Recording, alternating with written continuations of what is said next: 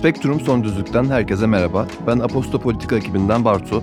Ben Abdullah. Ben de İlkim. Bu seride Türkiye seçime doğru giderken yayımlanan kamuoyu araştırmalarının sonuçlarını tartışıyoruz. Toplumsal dinamikleri anlamaya, trendleri yakalamaya, anket verilerinin ardındaki gerçekleri görmeye çalışıyoruz. Zaman zaman araştırma şirketlerinden, akademiden, medyadan ve siyasi partilerden konuklarımızı da ağırlıyor, düşüncelerini soruyoruz.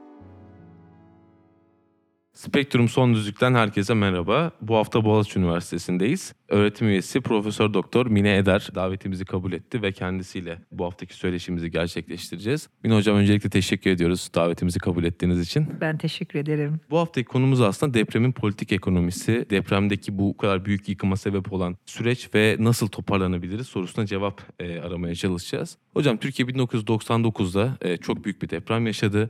Yaklaşık 17 bin vatandaşımız hayatını kaybetti ve bu Türkiye için bir milat olarak kabul edildi aslında. Ama biz 6 Şubat'ta Kahramanmaraş'ta yaşanan depremlerin çok daha büyük bir yıkıma ve e, şu anki resmi rakamlara göre 45 binden fazla insanın hayatına mal olduğunu görüyoruz. Aslında milat kabul ettiğimiz 99'dan bu yana çok da fazla yol kat edememişiz. Belki de geriye düşmüşüz. Şimdi ben size şunu, şunu sormak istiyorum. Türkiye'yi 99 depremindeki yıkıma götüren süreçte 6 Şubat Kahramanmaraş merkezlerini yıkıma götüren süreç e, aşağı yukarı aynı diyebilir miyiz? İki dönem arasındaki farklılıklar, benzerlikler nelerdir? Bunu Türkiye'nin ekonomik ve siyasi iklimi üzerinden yorumlamanızı rica ediyorum. Teşekkürler. Çok güzel bir soru çünkü gerçekten herkes karşılaştırmaya geçti. 99'da da vardı ve 99'dan hiçbir ders almadık mı diye. Hakikaten 23 yıldır ders almamış gibi görünüyoruz sakta. 99 aslında Türkiye siyaseti ve ekonomisinde çok önemli bir kırılma noktasıydı aslında. Yani o ana kadar gelen iktidarlar bunun maliyetini ödeyerek gittiler. Yani şöyle diyeyim size bir deprem arkasından da finansal kriz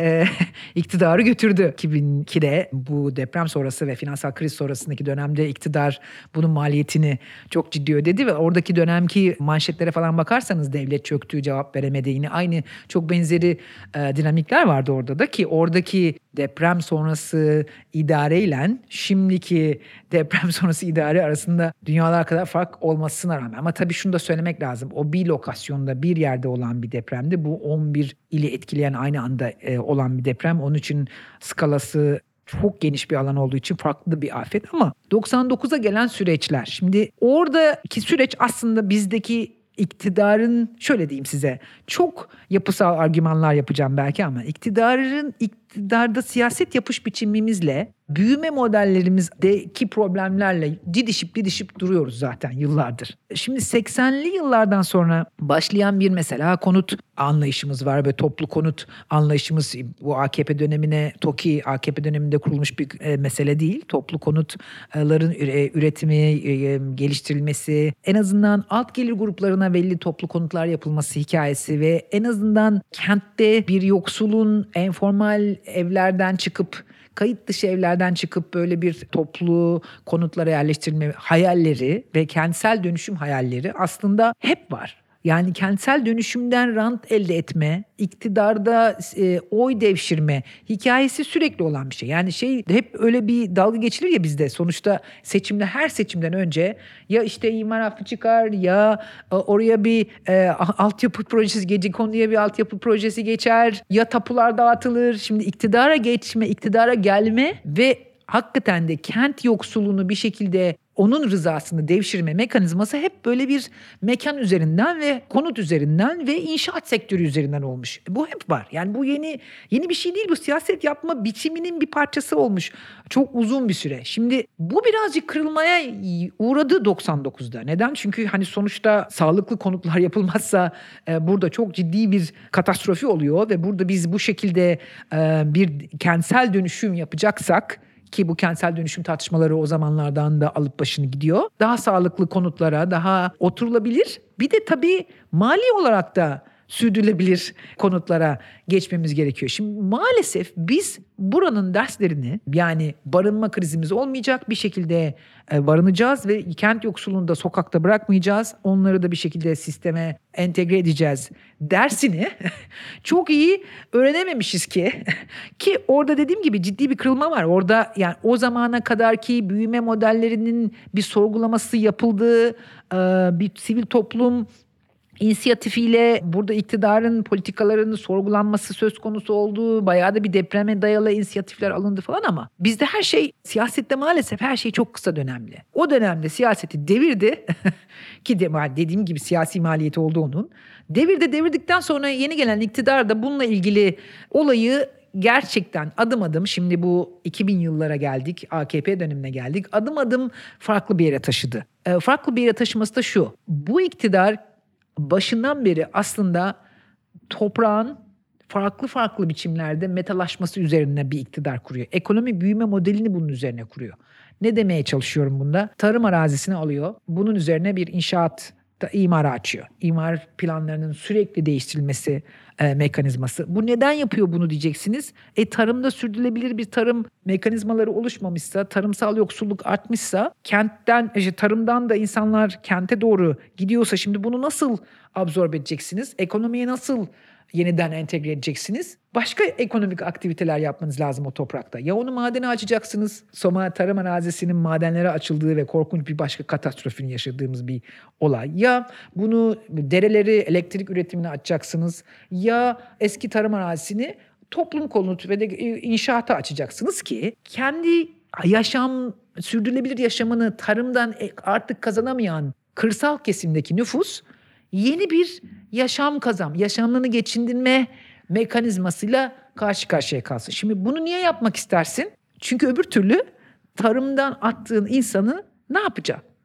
Şimdi tarımdan niye attık diyorsunuz? Tarımı ticaretini liberalleştiriyorsunuz. Adım adım gideyim isterseniz. Her şeyi her şeyi liberalleştirdiğiniz için tarımın dönüşümü ki burada AKP dönemindeki dönüşüm bu şimdi özel döneminde başlayan bir dönüşüm aslında yine ama özel bunu çok fazla ileriye götüremeyeceğini anlayıp vazgeçiyor. Tarım Ve sübvansiyonlarının tarım- kesilmesi tarım, aslında. Tarım sübvansiyonlarının kesilmesi özel döneminde başlıyor ama özel darbe korumalı e, iktidara gelişinden normal siyasete geçtiğinde aa ben bu liberalleşmeye fazla taşımışım. Şimdi yerel seçimler var. E, tekrardan bu ko- korumalara geri koyayım deyip e, ticari korumaları falan geri getir, getiriyor aslında. 90'lı yıllarda da normal siyaset her zaman o tarımı bir şekilde ayakta tutmaya yönelik. Şimdi tarım nüfusunun genel çalışan nüfusun içerisinde tarımdan para kazanan nüfusun bu kadar yüksek olması da problem. Evet. Yani 80'li yıllara kadar yüzde 40'ı falan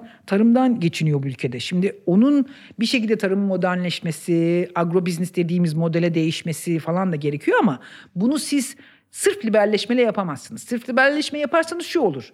Gelir mallar çok daha ucuz ve büyük skalada üretildiği için sizin rekabet etme gücünüz sıfırlanır ve siz de tarım e, kesimi de sektör olarak üretemez hale gelir. Rekabet edemez hale gelir. Zaten bu oluyor. Yani burada en büyük kentsel dönüşüm, e, tarımsal dönüşüm dediğimiz şey gerçekten AKP döneminde oluyor. AKP döneminde olması da da ama diyeceksiniz ki böyle bir dönüşümde normalde bu kesimin ayaklanması lazım. Yani tamamıyla ekonomik gücünün azaldığı bir kır- kırsal kesimden bahsediyorsunuz. Tarımsal üretimin çöküşünden bahsediyorsunuz. Şimdi normalde diyeceksiniz insanlar niye ayaklanmıyor o zaman? Niçin sokaklara düşmemiş kırsal kesim? E çünkü siz orada başka bir rıza üretimine geçmişsiniz. Konut üzerinden. Konut üzerinden başka bir rant yaratabilmişsiniz o insanlar için. Aslında hiç olmayan bir servet mekanizması, servet kaynağı yaratılıyor toprak üzerinden. Yani Aynen sizin petrolünüz yok veya doğal kaynağınız yok. Bunun üzerinden bir rant servet ekonomisi yaratamıyorsunuz. Elinizde olan tek şey boş tarım arazisi ve topraklar. Bunu bir rant mekanizmasına dönüştürüyorsunuz. Aynen öyle ve kentsel dönüşüm de maalesef depreme dayanıklı konutlar yapmaktan nasıl en fazla rantı yaratırım mekanizmasına dönüştüğü için de orada da bir yandan da bunun altını çizmek istiyorum gerçekten. Kamu yararı kavramı bu public good'un Türkçesini güzel bulamıyorum ben. Kamu yararı mı diyelim bunu? Kamu yararı kavramının tümüyle yok olması var burada. Yani topraklarımı ben kamu yararı için en etkin nasıl kullanabilirim kaygısından kamu yararının piyasa mantığına göre en büyük rantı nasıl maksimize ederim, nasıl metalaştırırım, maksimize şekilde piyasa için nasıl kullanırım diyen bir anlayışa geçiyoruz. Yani burada da devlet birazcık kamu yararını savunan bir mekanizmadan şirkete geçiyor. Yani kar amacı güden bir şirkete. Çünkü devletin yaptığı bütün mekanizmalarda, ürettiği bütün dinamiklerde bu ilişkide bu karı nasıl e, daha fazla arttırırım? Bu rantı nasıl daha fazla arttırırım dinamine geçiyor. Ha burada siyasi bir hesaplaşma var mı? Hesap var mı? Tabii ki var. Çünkü iktidarı öyle yaratıyorsunuz. İktidar koalisyonunu, kent yoksulunun oyunu, kırsal kesimin oyunu bu şekilde almaya çalışıyorsunuz. Onların rızasını bu şekilde yeniden üretmeye çalışıyorsunuz. Yoksa öbür türlü fakirleşiyor. Bu insanlar gel- geçim kaynaklı, gece kondu laşma dedik değil mi? 90'lı yıllarda gece konulaşmadan üzerinden sınıf atlardı insanlar. Şimdi bunu kapattınız. 2000'li yıllarda tarım üzerinden geç- geçim sağlıyordu insanlar. Bunu da kapattınız. E nereye gidecek? Burada nasıl geçineceksiniz? Yani burada yani hem kamuoyunun diyeyim ya da yani ekonomik aktörlerin kırsal kesim olsun, kent yoksulu olsun bunların da kendi içinde bu oyunu oynadığı ama iktidarın da bu rızayı üretmek için elinden gelen her şeyi yaptı ve çoğu zaman da kanuni gücünü bu kuralların e, denetleme mekanizmalarının ve bu metalaşma süreçlerini hızlandırmak için kullandığı bir süreç yaşıyoruz. Aslında kamu yararının piyasa yararının daha geri e, gerisine atıldığı, piyasa mantığının ön plana çıktığı ve insanların hem temel gelir kaynaklarının elinden alındığı ama öbür taraftan hem bir rant üretim mekanizması yaratıldığı hem de bu kırsaldan kente göçenlerin veya kentin çeperlerinde yaşayan yoksul insanların bir şekilde iktidara bağımlı olarak entegre edildiği bir sistem yaratılıyor. Aynen öyle. Hani Ama Süleyman işte- Demirel'in şey lafı vardı işte Türkiye'de tarım sübvansiyonu ve gece kondulaşma sosyal güvenlik sistemidir. Bunları kaldıramazsınız diyordu.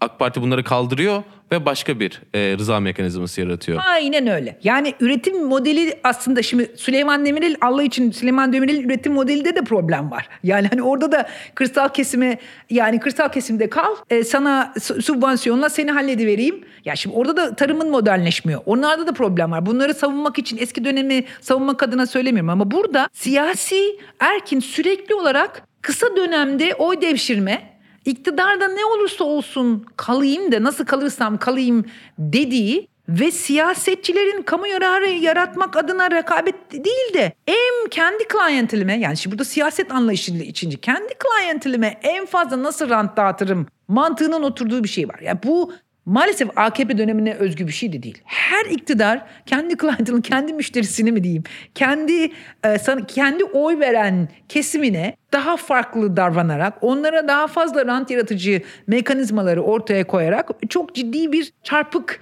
e, büyüme modellerini zaten yaratmış durumda. Biz yani şöyle şunu da demeyelim yani biz çok kalkınmacı muhteşem bir devlettik de bir anda çöktük falan gibi bir şey. Bizde her zaman bu siyasi siyaset yapma anlayışı vardı. Yani siyaset yapmak patronaj dağıtmak üzerinden tanımlandığı müddetçe demokrasi maalesef patronaj ve rant dağıtmak üzerinden tanımlandığı müddetçe yani demokratikleşme bu mu diye bir soru çıkıyor ortaya. Şimdi 50'li yıllardan beri bu şekilde tanımlandığı için bu da yalnız tek söyleyeceğim AKP döneminde bu yeni bir zirve yapıyor. İnanılmaz bir derinleşme ve yaygınlaşmaya doğru gidiyor. Çünkü neden? Kanun yapıcı pozisyonda iktidar. İktidarın giderek merkezileşmesi de sizin sürekli bunu daha kolaylaştırıcı, metalaşma süreçlerini daha hızlandırıcı. Aa, TOKİ'ye bütün yetkilerimizi verelim. Onlar istediği araziyi e, metalaştırıp hop üzerine konut, yapabilsin. Aa 2B'yi geçirelim. Herkes orman arazilerini pat diye imara açabilir. Şimdi bunları diğer iktidarlar bu kadar yapamıyordu. Neden? Çünkü hem yürütme hem de kanun yapıcı parlamenter mekanizmada çoğunluğunuz olduğu için AKP sürekli sürekli kanun geçirip sürekli bunları kolaylaştırıcı, hızlandırıcı bir ve de çok hızlı dönüştürücü bir mekanizma oturabildi. Yani bence ne farkı var diyorsanız 99 yani AKP iktidarının diğer dönemlere karşı bu hız, bu merkezileşme ve bu normalde hiç yapamayacağınız de- farklı denetleme mekanizmaları olduğu için asla yapamayacağınız birçok kanunun kanunsuzluğun kanunlaşması diyelim buna. Bunun çok rahat yapılabiliyor olması.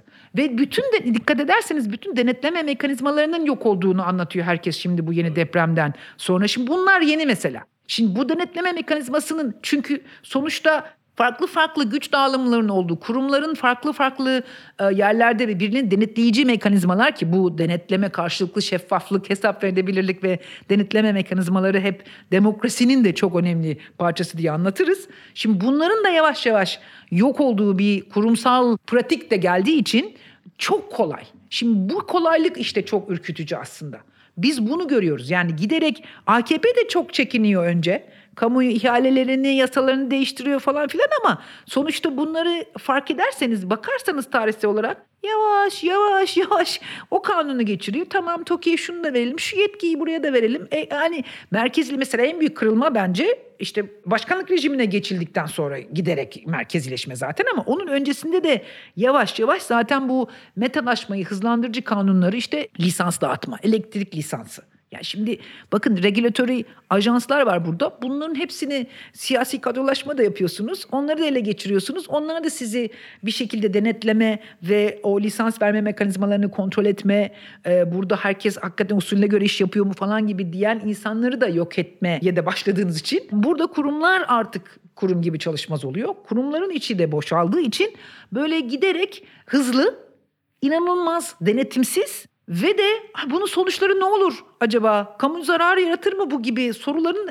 asla sorulmadığı böyle bir rant kavgasına dönüşüp ve bu kelimeyi de kullanacağım resmen çetevari bir ekonomik yapının içinde e, bulmuş oluyoruz. Çeteler birbirleriyle mücadele ediyor. Kim hangisi daha fazla rant yaratabilir diye. Yani kamu yararının bu kadar göz ardı edildiği başka bir dönem var mıydı bilmiyorum. Yani bugün kamu yararının sembolü diye bildiğimiz Kızılay'ın kendi çadırını sattığı bir noktada artık piyasa mantığının son geldiği noktadır diyorum. Başka bir şey yani ondan daha sembolik bir örnek yok kafamda. İşte bu gerçekten yeni olan şey. Yani bu hep vardı tabii ki. Tabii ki patronaj vardı. Tabii ki kendi müşterine daha fazla, kendi seçmenine daha fazla rant dağıtma dürtüsü vardı ama sonuçta kamu yararı ile ilgili yapabil, yapmak zorunda olduğun belirli regülasyonun denetimlerini yapmazsan Sayıştay'ın başına geleceği en azından belli kurumların seni denetlediğini bildiğin bir kısıtlama mekanizması vardı. O yok oldu. Onun yok olması da gücün çok ciddi şekilde bir yerde toplanıp bu şekilde uygulanması da bu katastrofi yarattı diye düşünüyorum ama dediğim gibi 99 depremi sonrasındaki katastrofi de ciddi bir şekilde devlet kurumlarının bizi sorgulattı. Ve orada sivil toplum örgütleri inanılmaz şekilde devredeydi. Bence o sivil toplumun güçlenmesi adına da çok önemli bir kırılmadır o. Ama maalesef bu sivil toplumun sesi de sistematik olarak kısıldı. Yani bugün düşünün bu kentsel dönüşümü bu şekilde rantsal dönüşüme yapmayın etmeyin diyen insanlar şu anda Silivri'de. Bir de öyle bir şey var. Susturulma susturulma mekanizmasında. Ve buna itiraz edenler de şu an aslında bu yıkımın müsebbibi olarak gösteriliyor iktidar tarafından. Şu an iktidarda şöyle bir söylem var özellikle Cumhurbaşkanı Erdoğan'da. Acaba zamanında bizim kentsel dönüşüm projelerimize karşı çıkan muhalefet suçluluk duyuyor mudur? Umarım bundan sonraki süreçte yapacağımız kentsel dönüşüm projelerine bizimle beraber olup ses çıkartmazlar diye. Yani bu yıkımın sebebi aslında bu rant ve denetimsizlik mekanizmasının sonucu olmaktan ziyade kentsel dönüşümün yeterince hızlı yapılamaması olarak gösteriliyor. Bu deprem bölgeleri de dahil olmak üzere. Yani e, siz zaten kentsel dönüşüm çalışıyorsunuz akademik çalışmalarınızda da. AK Parti döneminde yapılan kentsel dönüşümler bir kamu yararı gözetilerek belki de işte kentleri daha deprem dayanıklı hale getirmek amacıyla mı yapılıyor? Yoksa bu bir yeni rant yaratım ve soyulaştırma mekanizmaları mı? İkincisi tabii ki de TOKİ'ler bat yalnız e, TOKİ'ler pek e, şey yapmadı. Evet. Yıkılmadı. Yok depremde hasar ilginç. görmediler. O ilginç. Evet. Onu şuna bağlıyorum. O TOKİ'nin e, finans kaynakları bir dönem çok şeffaf olmak zorunda ve hesap verilebilir olmak zorundaydı. Ondan da olabilir ama bakın TOKİ kendi içerisinde sosyal konut projesi olarak enteresan bir proje. Yani yine dedim ya rıza üretimine bağlıyorum ben bunu. Yani siz burada kentli olmak isteyen, kentin bir parçası olmak isteyen kent yoksuluna evet sen burada enformal gece konduda kalma ama ben sana alternatif üretiyorum e, demek. Şimdi tabii ki bu kentin çeperlerine yolluyor.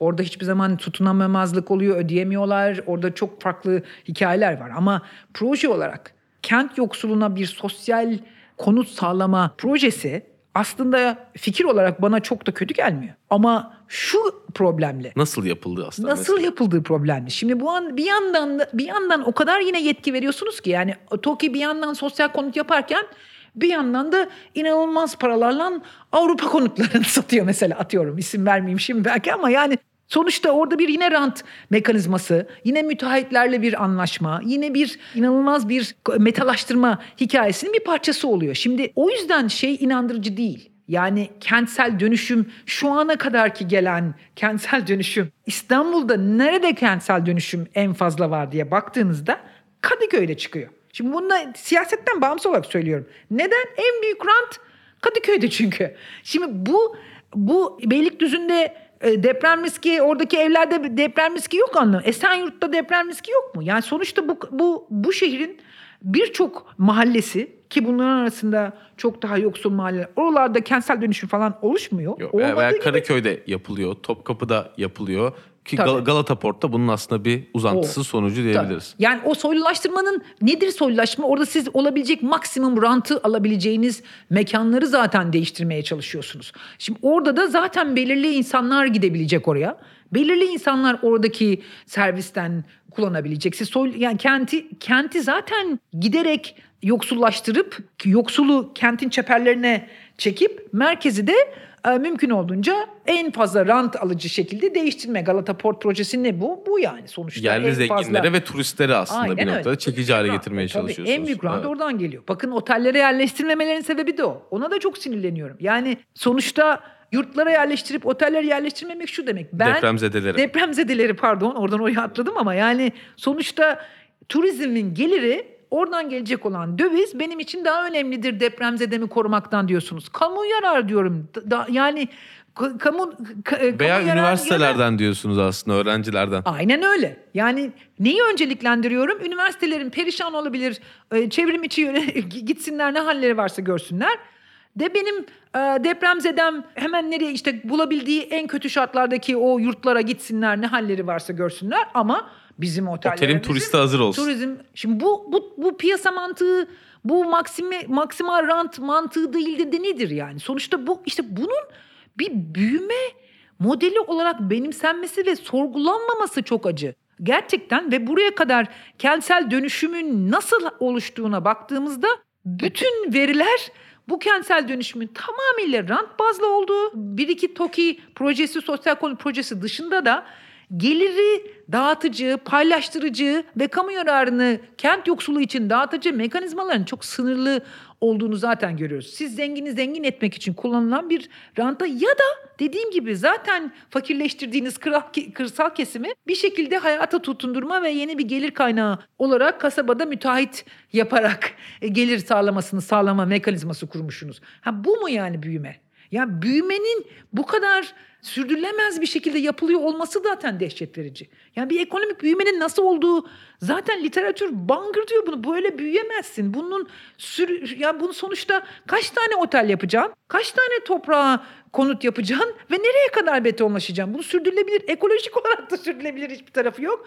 Ha siz bu kadar 20 yılda endüstriyel üretici productivity'nizi arttırmaya, eğitimi kalitesini arttırıp inovasyon teknoloji yapmaya, daha farklı şekilde daha modern tarımlara doğru geçmeye, bu paraların nerelere harcanabileceğini bir hayal edin ve bunun kalkınma ekonomisi açısından ne büyük bir hamle olabileceğini hayal edin. İnsan ona çok üzülüyor. Yani niye biz bu kadar parayı, niye bu kadar kaynağı bu bu şekilde harcadık ve bunun sonuçta da Türkiye'de olduğu yerde kaldı. Şu an en fazla borçlanan, en fazla kırılgan, her an finansal krize girebilecek olan çok kırılgan bir ekonomi halindeyiz ve kaynaklarımız sokağa atılmış gibi hissediyorum. Yani o kadar sinir bozucu bir şey ki bu aslında düşünürseniz. Yani neler yapılabilirdi hayal edin. Yani dünyanın en iyi üniversitelerinin olduğu, en iyi sermayesinin olduğu, teknolojinin yapıldığı, inovasyonun yapıldığı ve insan sermayesinin çok kaliteli olduğu, nüfusunun yüzde seksenin üniversite mezunu olduğu, endüstriyel tasarımların yapıldığı, üretimin arttığı, modern tarımın yapıldığı falan bir ülke olduğumuzu hayal eder misiniz lütfen? Yani bunlar 20 senede bunları yapılabilecekken biz ne yapmışız? Bina. Bina yap. Yani insan hakikaten pardon. Yani hakikaten kapatıyorum. Şimdi biraz şey sustum. Hocam şimdi aslında son 40 yılın panoramasını çizmiş oldunuz bize. Neler yapılabilirdi, biz ne yaptık ve bunu nasıl yaptık sorularının cevabını verdiniz. Şimdi yıkıma giden süreci anlattınız ve bir de o depremin ilk günlerinde hatta şu an daha devam eden bir hem başlarda arama kurtarma krizi vardı. Şimdi bir yardım, barınma ve koordinasyon krizi var. Ve işte depremin ilk 48 saatinde özellikle askerin sahaya indirilmemesi, arama kurtarma faaliyetlerinin koordine bir şekilde yürütülmemesi, yardım faaliyetlerinin bölgeye ulaştırılamaması, Twitter'ın kısıtlanması, ulaşım, iletişim altyapısının çökmesi gibi çok büyük krizler yaşadık. Bunların birçoğu da hala devam ediyor. Ve bu kamuoyunda işte devlet çöktü, devlet kapasitesi çöktü yorumlarını beraberine getiriyor. Siz bunu nasıl yorumluyorsunuz? Yani bu deprem aslında Türkiye'deki devlet kapasitesinin ne kadar zayıf olduğunun bir göstergesi mi oldu? Ve öte yandan da özellikle 2018'de Cumhurbaşkanlığı hükümet sistemine geçildikten sonra gücün tek elde toplandığı tüm kurumların yani buna işte AFAD gibi arama kurtarma faaliyeti yürüten çok niş bir kurum da dahil, bir İçişleri Bakanlığı da dahil tüm kurumların karar alma, harekete geçme, özellikle kapasitelerinin yok edildiği bir sistemde yaşıyoruz aslında şu an. Bunları bir topladığınızda, bir araya getirdiğinizde Türkiye'deki devlet kapasitesinin çöktüğünü söyleyebiliyor musunuz? Yani bu koordinasyonsuzluğu ve yetersizliği nasıl açıklarsınız? O kadar iddialı bir laf etmeyeyim.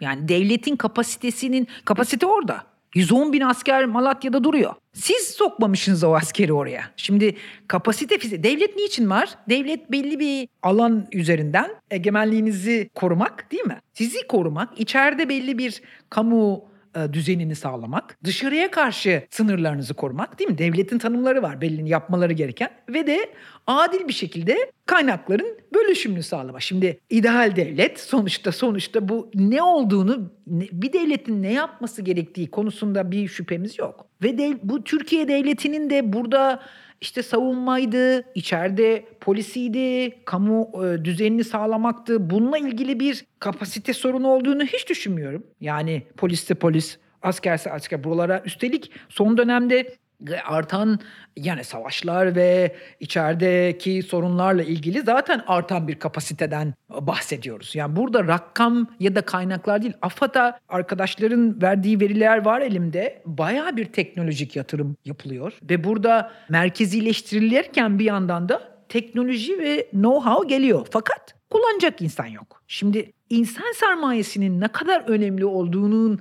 böyle suratımıza vurulduğu bir dönem oldu aslında. Çünkü sizin kapasiteniz değil mesele devlet olarak. O kapasiteyi nasıl etkin şekilde, o kaynakları nasıl etkin şekilde kullandığınız önemli burada. Siz deprem olduğunda siz bu kaynakları nasıl oraya akıttınız, sahaya götürebildiniz mi, etkin bir şekilde kullanabildiniz mi? Yani bizim gördüğümüz maalesef böyle bir katastrofi. Yani devlet kapasitesi duruyor, devletin bütün imkanları var, para da var, para da kazanılmış belli ki ciddi bir paralar kazanılmış o çadırlardan yapılmış, üretilmiş, satılmış onlar. Paralar geliyor. Yani burada bir kaynak yok, devlet yok, işte asker yok, polis yok değil. Bunların koordineli şekilde oraya kurtarmaya, şimdi vatandaşını koruma korumak çok yine devletin devlet olma özelliklerinden bir tanesi değil mi? Yani devletle vatandaş arasındaki bir anlaşma bu. Ben niye bağış yapıyorum zamanında Kızılay'a ya da niye vergi veriyorum? Zor zamanımda sen bana gelip kurtaracaksın, sen beni koruyacaksın. Şimdi bu anlaşma zedelendi gerçekten. Artık yani devlete olan inancın bir şekilde bu kadar zedelenmesinin ana sebebi bence bu kapasitenin orada olup olmasa diyeceksiniz ki ya işte bizim devletimizde bu kadar yetişemedik ne yapalım? Ama bu kapasite var burada ve bunların ha tamam 10 ilde gerçekten büyük bir afet ve yine yetişemeyebilirdik. Yani burada da abartmayalım. Gerçekten korkunç bir deprem şiddetiyle karşı karşıyayız ama bu kadar kötü kaynakların kötü kullanıldığı ve de bu kadar koordinasyonun kötü yapıldığı bir sahne izlemek gerçekten çok üzücü ve insan vicdanını da çok yaralıcı bir süreçti. Ha şimdi neden oldu bu? Niye burada bu, bu hale düştük diyorsunuz. Bu kapasitenin neden bu kadar bu kapasite buradayken neden kullanılmadı diye soruyorsanız eğer işte dolaş, dönüp dolaşıp o kaynakların nasıl kullanıldığı nasıl koordine edildiği ve tabii ki insan sermayesi. Şimdi insan sermayesi dediğiniz şey çok böyle abstrak, soyut bir şeymiş gibi gelebilir ama sonuçta AFAD'ın müdürünün o donanımın olması. Yani bunu evet arama kurtarma üzerine bir donanım ve bu koordinasyonun nasıl yapıldığı, bununla ilgili bir bilgi birikiminin olması. Deprem bilim adamlarının, jeologların dinlenip kentleşme projelerinin buna göre belirlenmesi. Bilimin ışığında kentleşme, bilimin ışığında fay hatları üzerine havalimanı yapmamak mesela. Mühendisler bangırdamış zamanında. Hatay Havalimanı. Evet yani fay hattının üzerinde havalimanı yapmak sizi şu demek o. Ben can güvenliğim e, mi, halkımın korunması ve böyle bir afet olduğunda ki bir numaralı ben bile biliyorum afet koruma falan çalışmışlığım falan yok. Komünikasyon, altyapı, ulaşım. Bu ikisini çözemezsiniz deprem sonrasında bittiniz zaten. E şimdi fay hattına bir insan niye havalimanı yapar ya? Deprem olduğunda bloke olacak. Ulaşım. Siz yardım getiremeyeceksiniz. O kadar net ki bağıran bir şey bu. Şimdi böylesine bağıran bir e, bilimsel gerçekliği de reddederek bir rant arayışına girmek işte orada o kapasitenin, o kamu yararının hiçbir şekilde göz önünde durulmadığını gösteriyor. Yani ne demek o? Ben evet bir iki tane havaalanı yapan kişinin rantını, havaalanı yapacak kim yaptı o şirketi tam bilmiyorum o havalimanını yapan şirketi ama o şirketin rantını ve e, hızla bu e, hizmeti sunma heyecanıyla halktan oy alma önceliğimi her şeyin üzerinde tutuyorum. Senin güvenliğin, senin e, fay- depremde ne yaptığın ve de benim sana ulaşamıyor olmam e, riski göz ardı ediyorum. Şimdi bakın siyaset zaten kısa dönemde yapılır. Bir de en büyük problem bu. Ama şunun da özürü yok. Siz 20 yıldır iktidardasınız. Siz bunun uzun dönemli projesini yapıp çok dağını çözebilirdiniz. Yahu tamam evler battı ama bari hastaneler çökmeseydi. Bazı, bari AFAD merkezi çökmeseydi. Bazı havalimanları çökmeseydi. Yani bunun bu kadar dedim ya kamu malı. Bunlar kamu malı ve kamu mallarının biz ayakta kalmasını bekliyoruz. Neden? Kamu böyle bir afette, böyle durumlarda kamu mallarının bize gelip o hizmeti vermesini bekliyoruz. Şimdi bu tamamıyla bilimin, liyakatın sona erdiği anlamına geliyor. Ve bu da maalesef bu kurumların içerinin boşalması dediğimiz mekanizmanın artık kontrol dışına çıkacak şekilde tamamıyla burada da patronaj ilişkisinin son haddi diye düşünüyorum. Yani bu artık yolsuzluk diyebilirsiniz buna, patronaj diyebilirsiniz. Liyakat önemli değil. Konuyu bilip bilmemeniz önemli değil. Sizin 3-4 tane 5 tane maaş alıp orada bir akrabanızı yerleştirmeniz önemli. İmar planlarını kafanıza göre değiştirebiliyorsunuz. İşte bakın burada hesap verebilirlik, hesap sorma mekanizmalarının olması ve hesap verilebilirliğin, denetlemenin tamamen de sıfırlandığı bir noktada hiçbir limit yok bu liyakatsizliğe e, Hesap gösterecek. sorabilecek. Evet. Hesap soramıyorsunuz. Bir de niye atadınız di- diyemedik yani. Diyememişiz bakın. Diyemiyoruz çünkü bir kişi atıyor. Bir kişi atıyor diyor ki ben bunun yeterli olduğunu düşünüyorum. Benim için siz kimi sorguluyorsunuz? Şimdi hiçbir şeyin, iktidarın hiçbir şeyinin hiçbir şekilde sorgulanmadığı bir noktada. Şimdi ortak akıl diye bir şey var. Yani bir insanın, bir insanın aklına mı kalacak bu kadar korkunç ve büyük bir afetle organizasyon yapmak? Böyle bir şey mümkün değil. İnsani olarak mümkün değil. Siz ortak akılla yapabilirsiniz bunu ve bilimle yapabilirsiniz. Şimdi böyle bilimden yararlanmıyorsunuz. Gerçekliği reddediyorsunuz. Her şeyi ranta döndürdünüz. E ne, nasıl idare edeceksiniz depremi? Yani sonuçta böyle bir kurumsal çöküş maalesef bu insan tamamıyla insan sermayesinden. Bunu da şu bu parantez içinde zaman yani geldiği için söylüyorum. Yani burada kurumların özelliğinin de ne kadar önemli olduğu ortaya çıktı. Talimat bekledi insanlar 48 saat. Orada insanlar çığlıktayken yani enkazın altında çığlık atarken insanlar talimat bekledi. Bundan daha büyük bir katastrofe olabilir mi? Yani yukarıdan, merkezden bize emir gelmedi. Biz bu işi yapamayız dediler. O insanlar orada yani daha ne gibi bir acillik tanımı olabilir ki? İnsanlar ölüyor ve öldüler de. Yani o, o sonuçta bu helalleşilecek de bir şey değil. O 48 saatin hesabını vermek zorundasınız. Siz o he- 48 saat o insanların ölmesini seyrettiyse o insanlar e, o tabii size hesap soracak. Şimdi o yüzden de şöyle bir enteresan bir noktadayız aslında bu şekilde piyasalaşmış, bu bu şekilde liyakatsizleşmenin en acı şekilde sonuçlarını yaşamış olduğumuz için artık hesap sormak vicdanen ve ahlaken çok rahat bir şekilde hesap sorabilecek konumda vatandaş diye düşünüyorum. Vatandaş hesap da sormalı zaten. Bütün bunlara geldiğimiz nokta hesap sormadığımız için oldu. Şeffaflık e, istemediğimiz için oldu. Kim değiştirdi o imar planlarını? Kim verdi o imar aflarını? Kim buradan oy devşirdi?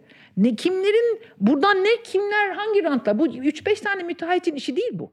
Sistemsel bir sorun var burada ve bu sistemin bütün ayaklarını tek tek ortaya çıkarmak zorunda. Müteahhitler, imar plancıları, kent plancıları, Belediye belediyeler. meclisleri, Bakın evet. siyasi partiden bağımsız olarak söylüyorum. Bu AKP CHP meselesi de değil. CHP'li belediyeler farklı mı davranıyor zannediyorsunuz? Yo, aynı mantıkla işliyor.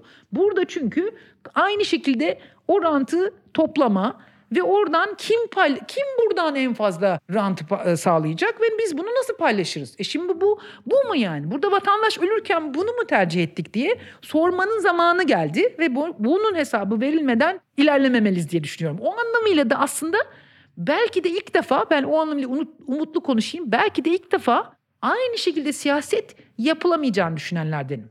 Neden? Artık rıza üretmek öyle rant dağıtmakla ya da işte tamam canım biz yine tekrardan buraları inşaat yaparız, e, rantı da dağıtırız demekle olmayacak gibi görünüyor. En azından öyle olmayacağını umuyorum. Çünkü bunun hesabının bu şekilde devam edemeyeceğimizin bu kadar ortak çıplak gerçek ölüm gibi bir gerçeklikle ortada olduktan sonra hala aynı ben şaşkınlıkla izliyorum. Hala aynı biz yine buraları aynı şekilde TOKİ ile yapacağız. Yine bunları inşa edeceğiz. Yine e, aynı inşaat sektörü üzerinden büyümeye devam edeceğiz demenin hayretler içerisinde inanıyor, inanın seyrediyorum. Çünkü e, biz buraya bundan gelmedik mi diye soruyor insan. Ama Son aynı sorum şekilde, da e, aynı tam şekilde olarak bu devam olacaktı edecek. aslında. Yani şöyle 2018'de bu Cumhurbaşkanlığı hükümet sistemine geçilirken tüm kararların tek merkezden alındığı işte bürokratik engellerin kaldırılacağı ve Türkiye'nin yönetim olarak çağ atlayacağı bir sistem vaat ediliyordu. Bugün gelinen noktada bunun çöktüğünü gördük. Hatta 2000'li yılların başında da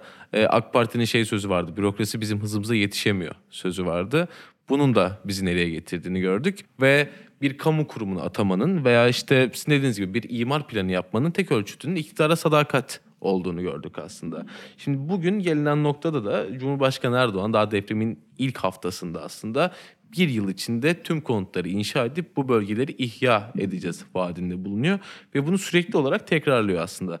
Şimdi bunun finansal açıdan ne kadar yapılabilir, ne kadar gerçekçi bilir size bir bunu sormak istiyorum. İkincisi, Türkiye'nin mevcut ekonomik ve siyasi koşullarında yani şu an seçimin 14 Mayıs'ta yapılacağını hesaba katarsak 2,5 ay var seçime.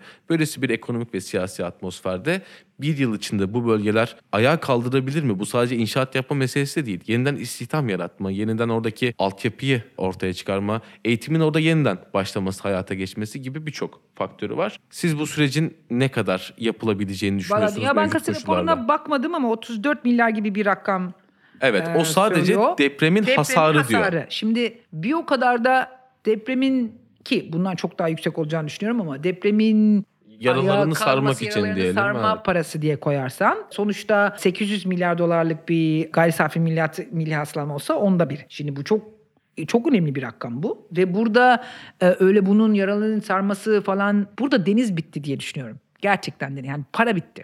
Şu anda para bitti. Paramız yok bizim. Yani şu anda biz zaten borçlanarak büyüyen bir ülkeydik Peki bu zaman. bir kamu özel sektör ayrımı yapıyor musunuz? Hani Yok, kamunun mu parası sektör- yok, özel sektörün yok? Hiç İkisinin de mi yok? yok. Yani şu anda şöyle diyeyim. Burada böyle bu kadar da karanlık bir çizgi çizmeyeyim ama sonuçta siz zaten dediğim gibi kırılgan bir ekonomi büyüme modeli üzerinden giden bir ülkesiniz. Siz mesela endüstrileşmişsiniz evet ama endüstrileşmeniz hiçbir zaman kendi markasını yaratmış ya da uluslararası bir markalaşma ya da teknolojik e, hamleye doğru giden bir endüstrileşme modeliniz yok. E tarımınız ne halde onu da e, görüyoruz. Servis sektörü şimdi şu anda bizi bir şey olarak turizm turizm diye bangırdamamızın en önemli sebebi tek kaynağımız aslında turizm. Şimdi turizmden gelecek olan gelir de bir yere kadar. Yani ve de üstelik böyle bir deprem sürecinden sonra nereye kadar nasıl İstanbul'a gelmek istemiyorlar şimdi deprem riski var falan gibi bir de öyle bir olay başladı ama sonuçta büyüyecek çıkış noktalarınız o kadar sınırlı ki. Bir de birikmiş borcunuz var. Ve de iş dünyasında da birikmiş borç var. Yani bu sırf e, yani de, kamu borcu değil bu. Kamu borcu göreceli olarak az hatta. Kamu Özel borcu sektör özel çok yüksek. sektörün borçlarını kamu üstele üstüne geldik zaten son dönemde bazı yani büyümeyi ve sürdürülebilirliği sağlamak için. E şimdi burada bu kaynak nereden bulunacak sorusu çok meşru bir soru. Yani çok da ma- makul bir soru. Şimdi bu kaynak hani bu seçimden önce ya da sonra hiç fark etmez. Seçim iktidara kim gelirse gelsin bir şekilde bu kaynağı bulmak zorunda. Ha şimdi bu yatırım olur, yatırım çekebilirsiniz, siyasi olarak daha güven yaratırsınız birazcık ama bu çok zor olacak. Yani bakın çok, zaten inanılmaz bir ekonomik krizin içinde girdik biz bu deprem krizinin ortasına. Yani zaten çok kırılgandı ekonomi. Zaten enflasyon almış başını gidiyor. Zaten gelir dağılımının şeyindeyiz. Kontrolden çıkmış durumda gelir dağılımındaki bozukluk. E şimdi burada ekonomik krizin yarattığı mutsuzluğun da ötesinde iş yaratmanız lazım. Aş yaratmanız lazım ve bir şekilde de ekonomiyi istikrarlı hale getirmeniz lazım. E siyaset istikrarlı değil. Siyasette herhangi bir yani şurada şu andaki bizim en büyük trajedimiz her şey belirsiz. Yani belirsizliğin şiddetini yaşıyoruz diyebilirim. Ben çok severim onu. Yani gerçekten belirsizlik bir şiddettir. Çünkü insanlar bir önceki bir yarın ne yiyeceklerini bilmezlerse şiddete maruz kalıyorlar demektir. Aslında Türkiye için de öyle. Yani şu anda bakmayın herkes çıkıp çıkıp biz şöyle yaraları saracağız, şöyle ekonomik modelimiz var demesin kimse. Bundan çıkış hiç kolay olmayacak. Bir enkaz şu anda. Ülkenin diğer taraflarına da yani şu anda İstanbul'daki bir depreme hazırlıklı mıyız? Hayır. Ee, Şu anda finansal krizden çıkış için herhangi bir ekonomik modelimiz var mı sürdürülebilir? Hayır. Ee, Şu anda biz böyle e, endüstriyel bir hamle yapacak durumda mıyız? Hayır. Yani o hiç de kolay olmayacak bu. Yani bunun iktidar gerçekten AKP, CHP kim iktidara gelirse gelsin burada çok ciddi bir ekonomik krizle uğraşacağız. Ve burada ama yapamaz mıyız? Tabii ki yaparız. Yapamayız değiliz ama çok büyük bir problemle karşı karşıya olduğumuz ve bundan böyle büyüme modeli olarak da bir tek şeyden eminiz ama. Yani bu inşaat sektörünün yarattığı büyüme modeli üzerinden gitme lüksümüz yok artık. Yok yani bunun artık bunu yapmaya çalışırlarsa yani hakikaten herkesi devirmemiz lazım o zaman yani sırf CHP, AKP falan gerçekten bu katastrofiye getiren dinamik bize. Şimdi o yüzden burada nasıl daha sürdürülebilir bir büyüme yapabiliriz? Barınma sorununu insanların ciddi şekilde kentlerde barınma sorununa karşı. Bu barınma sorununu yani ödeyebileceğin kiraları değil mi? Bir de çünkü sürdürülebilir olması lazım bu, e, bunun. Bu emlak sorununu nasıl çözeceğimizle ilgili hep beraber düşünüp ona göre bir bir model üretmemiz gerekiyor. Zannetmiyorum bunu çok kısa zamanda bir senede asla. E, bu en aşağı 10 yıllık bir proje. Yapılmaz değil ama çok zor olacak. Ve maalesef diyorum yani zaten çok zor bir ekonomik süreçten giriyordu Türkiye. Bu yıktı geçti yani. Yıktı geçti. Enkazın altında bıraktı hepimizi diyeyim. Bütün ülkeyi. Hocam son olarak kapatmadan önce yani eklemek istediğiniz geleceğe dair bir öngörünüzü veya fikrinizi paylaşmak isterseniz onu da alalım. Valla ben iyi dileklerimi söyleyeyim. Yani liyakatı dayalı bilimin ışığında politikalar üretebildiğimiz. Ha bu arada gerçekliği de lütfen paketlemediğimiz. Bunu en sinirlendiren şeylerden bir tanesi artık post gerçek post truth diyoruz ya. Gerçek üstü bir paketlemeyle siyaset böyle yapılmamalı artık. Lütfen hani gerçekliği de bu gerçeklikten kopmanın sonucunu yaşıyoruz. Yani bunu nasıl yani şu beni çok rencide etmeye başladı. Şöyle bir espri döndü. Ha- Hatay'da polisi çağırmak istiyorsanız devlet karşı söylemek için polis gelir o zaman en azından kamu düzeni sağlanır. Yani kamu düzenini orada sağlayamayıp insanlar kendini güvensiz hissediyor. Siz orada Twitter attı diye, tweet attı diye insanları gözaltına alıyorsunuz. Bu artık bu kadar hoyrat yöntemlerle iktidarda kalmak, ya kalmaya çalışmak aslında sizin hegemonyanızın bittiği anlamına gelir. Yani siz diyorum ya size rıza üretmekti. Yani çok acı bir şey aslında. Bakın iktidara geliş biçimi çok parantez yine bir şey yaptık konudan konuya geçtim ama AKP'nin iktidara geliş biçimine bakarsanız aslında orada çok romantik bir şey var. Yani periferde e, her zaman göz ardı edilmiş ekibi ben iktidara getiriyorum. Siyasi katılımın en e, maksimum pozisyonunda insanları siyasi e, sisteme eklemliyorum deme iddiası olan bir siyasal parti ve bu kadar tabanına yakın olan bir siyasal parti nasıl oldu da tabandan böylesine uçtu gitti? İnanın trajik bir şey seyrediyoruz burada. Uçtu yani. Şu anda bu iktidar insanların problemlerini, trajedilerini, öfkelerini, anlamayan ya da anlamayı reddeden ya da anlamaktan korkan ya da anlarsa iktidardan düşerim Allah'ım deyip korkan bir iktidara dönüştü. Böyle değildi. Ya bu parti ne partinin yapısı ne de Tayyip Erdoğan böyle değildi ilk başlarda. Bunu da altın çizmek isterim. Yani ne oldu da böyle bir demokratik iddiası olan bir parti bu kadar otoriter ve bu kadar dışlayıcı ve bu kadar hoyrat ve bu kadar hani artık böyle hani şiddet e, enstrümanlarını kullanayım. Herkesi Silivri'ye atayım. Herkesi tweet attı diye e, gözaltına alayım demek durumuna geldi. Çok trajik. Çok trajik aslında. Yani o şeyde de bütün siyasi sorunlarında da böyle aslında. Nereden nereye geldik diye insan bayağı üzülüyor yani. Hani hegemonya kurmanın iki ayağı vardır ya ya rıza üretirsiniz ya güç kullanırsınız. Rıza üretim mekanizması Kalktığı artık için. sona erdiği için güç kullanma aşamasına Evet ve geçildi gayet sanırım. şiddet enstrümanları kullanarak. Ama şimdi bu aslında şöyle trajik. Onun da tutmayacağı belli. Yani nereye kadar? Nereye kadar kullanacağız? Bir stadyum Fenerbahçeli taraftarı mı gözaltına alacaksınız artık? Ne yapacaksınız ki ya? Adamlar bağırdı işte. Hükümet istifa diye bağırdı. Ne yapacaksınız? Fenerbahçe, Beşiktaş bütün taraftarları e, şeye mi göreceksiniz? Yani bu bu artık hani komik hale geldiği için e, o yüzden bence maskeler indi burada. O yüzden de artık birazcık konuşmak, gelişmek, daha sesimizi çıkarmak Ve ve gerçekten ne olduğu iyi anlamlandırmamız lazım. Çok kat- katastrofik bir şey yaşadık yani. Ve bunun hesabını mutlaka sormamız gerekiyor. Eğer vatandaşsak, vatandaş olarak hakkımızı korumak istiyorsak tabii. Yoksa vatandaş değilim ben kardeşim ben her şeye biat ederim diyorsanız o zaman susun tabii. Ama vatandaşsak ben bunun hesabını sorarım. Ben bizde ben yıllarca vergi verdim. Yıllarca da dedim ki yapmayın etmeyin. Şurada böyle bir şeyler var. Sesimizi çıkardık değil mi? Kimse bir şey yapmamış. Kimse bir şey dinlememiş. E o zaman ben de şimdi hesabını sorma zamanı diye düşünüyorum. Hocam çok teşekkür ediyorum. Ee, bu hafta konuğumuz Boğaziçi Üniversitesi Siyaset Bilimi ve Uluslararası İlişkiler Bölümünden Profesör Doktor Mine Eder'di. Kendisi de depremin aslında politik ekonomisini ve Türkiye'deki e, siyasal sistemin bugün yaşadığı krizi konuştuk. Tekrardan teşekkür ediyorum hocam. Bizleri kabul ettiğiniz Ben için. teşekkür ederim. Spektrum Son Düzlük'ten bu hafta bu kadar. Haftaya görüşmek üzere.